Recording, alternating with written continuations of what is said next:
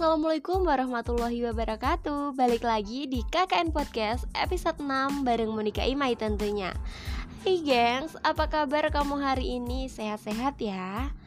Oke deh, di episode ini aku bakalan ajakin kamu untuk sharing about mental health nih gengs Oke langsung aja, kamu tahu gak sih gengs, apa itu mental health?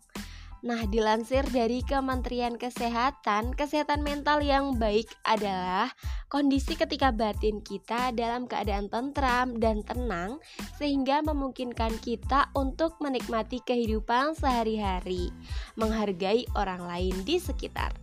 Orang yang bermental sehat dapat menggunakan kemampuan atau potensi dirinya secara maksimal dalam menghadapi tantangan hidup serta menjalin hubungan positif dengan orang lain. Nah, ada tiga jenis nih masalah kesehatan mental yang paling sering terjadi. Yang pertama itu stres. Stres adalah keadaan ketika seseorang mengalami tekanan yang sangat berat, baik secara emosi maupun mental.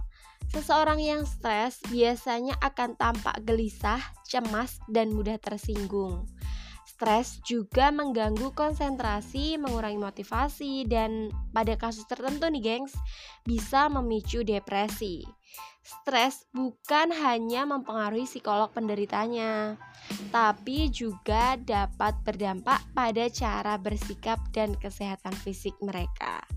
Dampak stres terhadap perilaku seseorang itu seperti menjadi penyendiri, enggan makan, atau malah makan berlebihan. Terus ada juga nih gangguan kesehatan yang timbul akibat stres seperti susah tidur, capek terus nih rasanya, sakit perut, sakit kepala.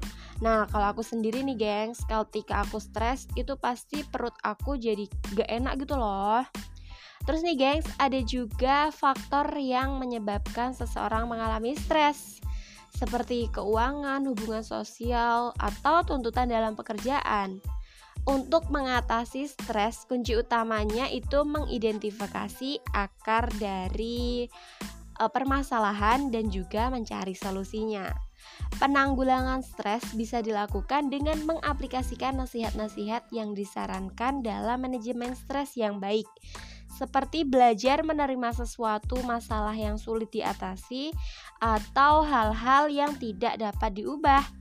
Terus berperilaku dan berpikir positif dan memandang bahwa segala sesuatu yang terjadi dalam hidup ini tuh ada hikmahnya. Dan masih banyak lagi ya nasihat-nasihat e, dalam manajemen stres ini. Nah, yang kedua ada gangguan kecemasan. Gangguan kecemasan adalah kondisi psikologis ketika seseorang mengalami rasa cemas berlebihan secara konstan dan sulit dikendalikan, sehingga berdampak buruk pada kesehatan kehidupan sehari-harinya. Bagi sebagian orang normal, itu rasa cemas biasanya timbul pada kejadian tertentu, misalnya saat akan menghadapi ujian sekolah atau wawancara kerja. Tapi kalau misalnya pada gangguan kecemasan ini, penderitanya akan merasakan cemas ini sering timbul pada setiap situasi yang dihadapinya. Uh, sebab itu orang yang mengalami kondisi ini akan sulit merasa rileks gitu gengs Nah selain gelisah atau rasa takut yang berlebihan Gejala psikologis lain yang muncul pada penderita gangguan kecemasan adalah kurangnya percaya diri Menjadi mudah marah malah jadi stres, sulit berkonsentrasi, dan menjadi penyendiri. Sementara itu, ada juga loh gangguan fisik yang muncul seperti badan jadi gemeter, keringatnya keluar secara berlebihan, otot jadi tegang, dan lain sebagainya, gengs. Meski begitu, penyebab gangguan kecemasan belum diketahui secara pasti.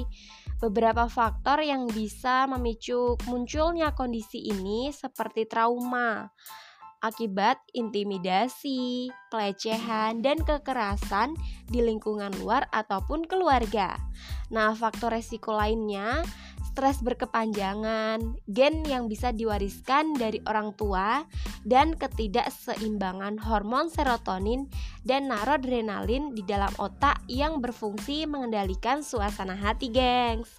Gangguan kecemasan juga dapat dipicu oleh penyalahgunaan minuman keras dan obat-obatan terlarang. Nah, sebenarnya nih, gengs, gangguan kecemasan bisa diatasi tanpa bantuan dokter, seperti mengkonsumsi makanan bergizi, tidur dengan cukup, mengurangi asupan kafein atau minuman beralkohol, dan zat penenang lainnya. Tidak merokok dan berolahraga secara rutin, selalu melakukan metode relaksasi sederhana seperti yoga ataupun meditasi. Nah, jika pengobatan mandiri tidak memberikan perubahan, bisa nih kita berkonsultasi ke dokter atau penanganan dari dokter ini bisa pemberian obat-obatan, anestesi seperti terapi juga bisa, gengs. Nah, yang ketiga nih, depresi. Depresi merupakan gangguan suasana hati yang menyebabkan penderitanya terus-menerus merasa sedih Berbeda dengan keadaan sedih yang biasanya terjadi, berlangsung ini tuh berlangsung lama beberapa hari perasaan sedih pada depresi bisa berlangsung hingga berminggu-minggu bahkan berbulan-bulan, gengs. Nah, selain mempengaruhi perasaan ataupun emosi, depresi juga menyebabkan masalah fisik seperti dua di atas sebelumnya. Mengubah uh, seperti mengubah cara berpikir, mengubah cara berperilaku penderitanya. Tidak jarang juga penderita depresi sulit menjalani aktivitas sehari-hari secara normal.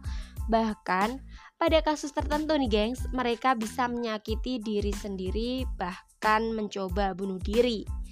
Nah, ada juga beberapa gejala psikologi seseorang yang mengalami depresi, seperti kehilangan ketertarikan atau motivasi untuk melakukan sesuatu, terus-menerus merasa sedih, ingin menangis, seperti itu, gengs. Nah, gangguan yang lain juga terdapat pada fisiknya nih, seperti gangguan tidur, terus badannya juga jadi lemes deh. Bicara atau bergerak lagi lebih lambat terus siklus menstruasi pada perempuan nih misalnya gitu terjadi pada perempuan itu juga ada banget perubahannya gengs. Jadi susah ya kalau misalnya depresi itu bakalan banyak banget menimbulkan uh, udah psikologisnya kena juga fisiknya juga terganggu seperti itu gengs nah ada beberapa hal yang bisa memicu terjadinya depresi ini gengs mulai dari peristiwa hidup yang menimbulkan stres, kehilangan orang yang dicintai, merasa kesepian, hingga memiliki kepribadian yang rapuh terhadap depresi. Selain itu, depresi yang dialami seseorang juga bisa disebabkan oleh penderitaan akibat penyakit yang parah dan berkepanjangan, gengs seperti kanker dan gangguan jantung. Terus minuman beralkohol dan obat-obatan terlarang juga bisa menyebabkan lo gengs. Terus ada akibat faktor genetik dari keluarga. Nah, dianjurkan nih untuk berkonsultasi ke dokter jika memang merasakan gejala-gejala depresi selama lebih dari dua minggu dan tidak kunjung mereda. Apalagi gejala depresi tersebut sampai mengganggu proses pendidikan, pekerjaan, dan hubungan sosial. Penanganan depresi oleh dokter akan disesuaikan dengan tingkat keparahan depresi yang diderita oleh masing-masing pasien. Bentuk penanganan bisa berupa konsultasi terapi, pemberian obat-obatan antidepresi, atau kombinasi dari keduanya.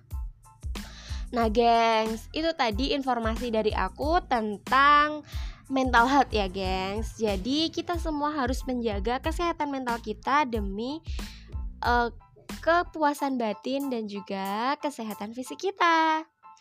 Oke, geng, sekian informasi dari aku. Mohon maaf bila ada kata-kata yang salah. Kenali dirimu untuk mengenal Tuhanmu. Wassalamualaikum warahmatullahi wabarakatuh.